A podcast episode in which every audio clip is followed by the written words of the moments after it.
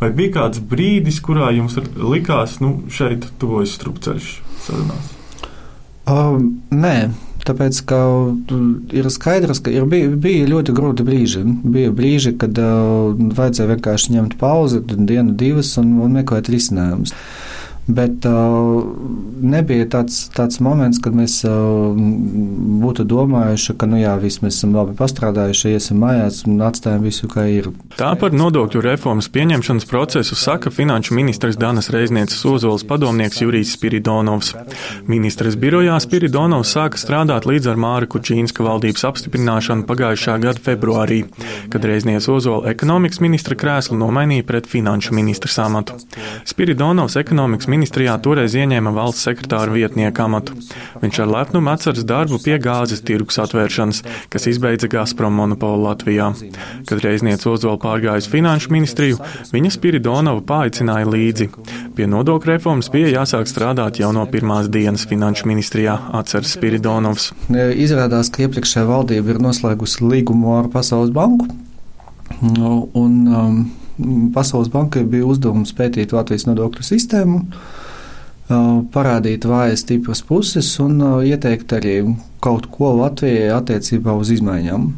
Mūsu uzdevums, mūsu loma bija atrast to, ko tieši mēs gribētu mainīt nodokļu sistēmā, izmantojot visus tos materiālus, kuri tajā brīdī ministrijā jau bija. Pasaules bankas ieteikumi pārsvarā paredzēja nodokļu celšanu, ieviešot arī progresīvo iedzīvotāju ienākumu nodokli. Bankas ekspertu vērtējumā tādā veidā valsts varētu iekasēt vairāk naudas un samazināt nevienlīdzību. Latvijas uzņēmēju valdības sociālo partneru organizācijās šādu pieeju kritizēja, un ministrija lēma pēc iespējas lielākai daļai iedzīvotāju darba spēku nodokļus tomēr samazināt, lai palielinātu uzņēmēju konkurētspēju un iedzīvotājiem būtu vairāk naudas. Rezultātā iedzīvotāju ienākumu nodokli reforma samazinās par 3% punktiem, ieviešot arī lēzanu progresivitāti, kas skars bagātākos. Sekojot uzņēmēju vēlmēm, tika arī mainīta uzņēmuma ienākuma nodokļu maksāšanas kārtība, par uzņēmuma atstāto peļņu nodokli neprasot. No tā valsts ekonomika rezultātu jutīšot pēc trim gadiem, stāsta Spiridonovs. Pirmā gada vajag nopelnīt naudu, tad viņu vajag ieguldīt savā attīstībā un tad sagaidīt rezultātu no šīs attīstības. Un tāpēc uh, vislielākais efekts mūsu makroekonomistu prognozēs bija trešajā gadā. Un trešajā gadā bija tieši izmaiņas um, nevis vienkārši nodokļu ieņēmumos, kas ir viens no radītājiem, bet uh, bija izmaiņas arī kapitāla struktūrā uzņēmumos. Mums ir daži uzņēmumi, kuri izskatās pēc tādas uh, bedres, kur pazūd nauda. Reinvestēta peļņa maina šo principu. Jums nevajag radīt zaudējumus. Kamēr reinvestētās peļņas principu ieviešanai pretinieku nebija, vismagāk nāca kompromiss par naudas apjomu pieaugumu veselības aprūpei, uz ko uzstāja vienotība.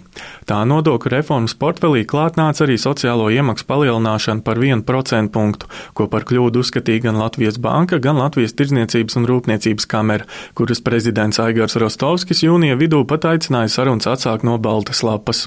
Šobrīd uh, viss šis pamat, eh, tās pamattējas ir apliktas ar ļoti daudz visādām lietām, un, un te jau faktiski tā, ja teiksim, iet runa par, par sociālo nodokli, vēl kaut kādām lietām, tad mēs vienā pusē kā, sakam, mēs mazinām nodokļus, otrā pusē mēs viņus ceļam. Šis jau mums vairs neapmierina. Jurijs Spiridonovs tikmēr par strīdīgo sociālo iemaksu palielināšanu saka, viss atkarīgs no tā, vai veselības aprūpe pēc finanšu piešprices tiešām kļūs labāka. 250 miljoni divos gados ir nenormāli liels resurs. Faktiski neviena nozare nevar, nevar, nevar lepoties ar tādu ieņēmumu pieaugumu.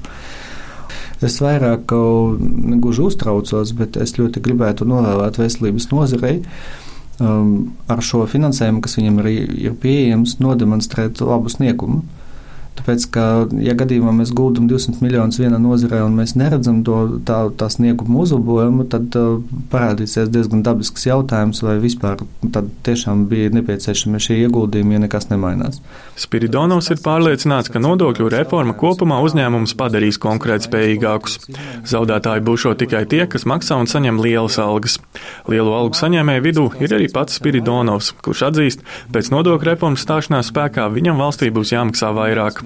Nodokļu reformas ietekmi uz paša dzīvi Spiridonovs gan vērtē plašāk. Mani ietekmē nodokļu reforma tādā veidā, ka es ceru uz uh, daudz pieejamāku un uh, ērtāku veselības aprūpi. Tas, tas man tas noteikti ir svarīgi. Es redzu to, ka nodokļu reformas ietvaros paredzēta papildus līdzekļi un ceļu sakārtošana. Es gribētu cerēt, ka vienreiz braukšu pa ceļu un nebaidīšos, kas reiz pagriezienā. Tas arī ietekmē mani. Un uh, trešais ir tas, ka, protams, es uh, esmu ar mieru maksāt lielāku nu, akcīzi par, par precēm, ko es patērēju, kuras varbūt nav ļoti veselīgas. Runājot par nākotni, finanšu ministrs padomnieks Spiridonovs prāto, ka vajadzētu izvērtēt lielo skaitu dažādo nodokļu režīmu, lai saprastu, kur sistēma šobrīd ir pārāk sarežģīta. Māris Klūga, Latvijas radio.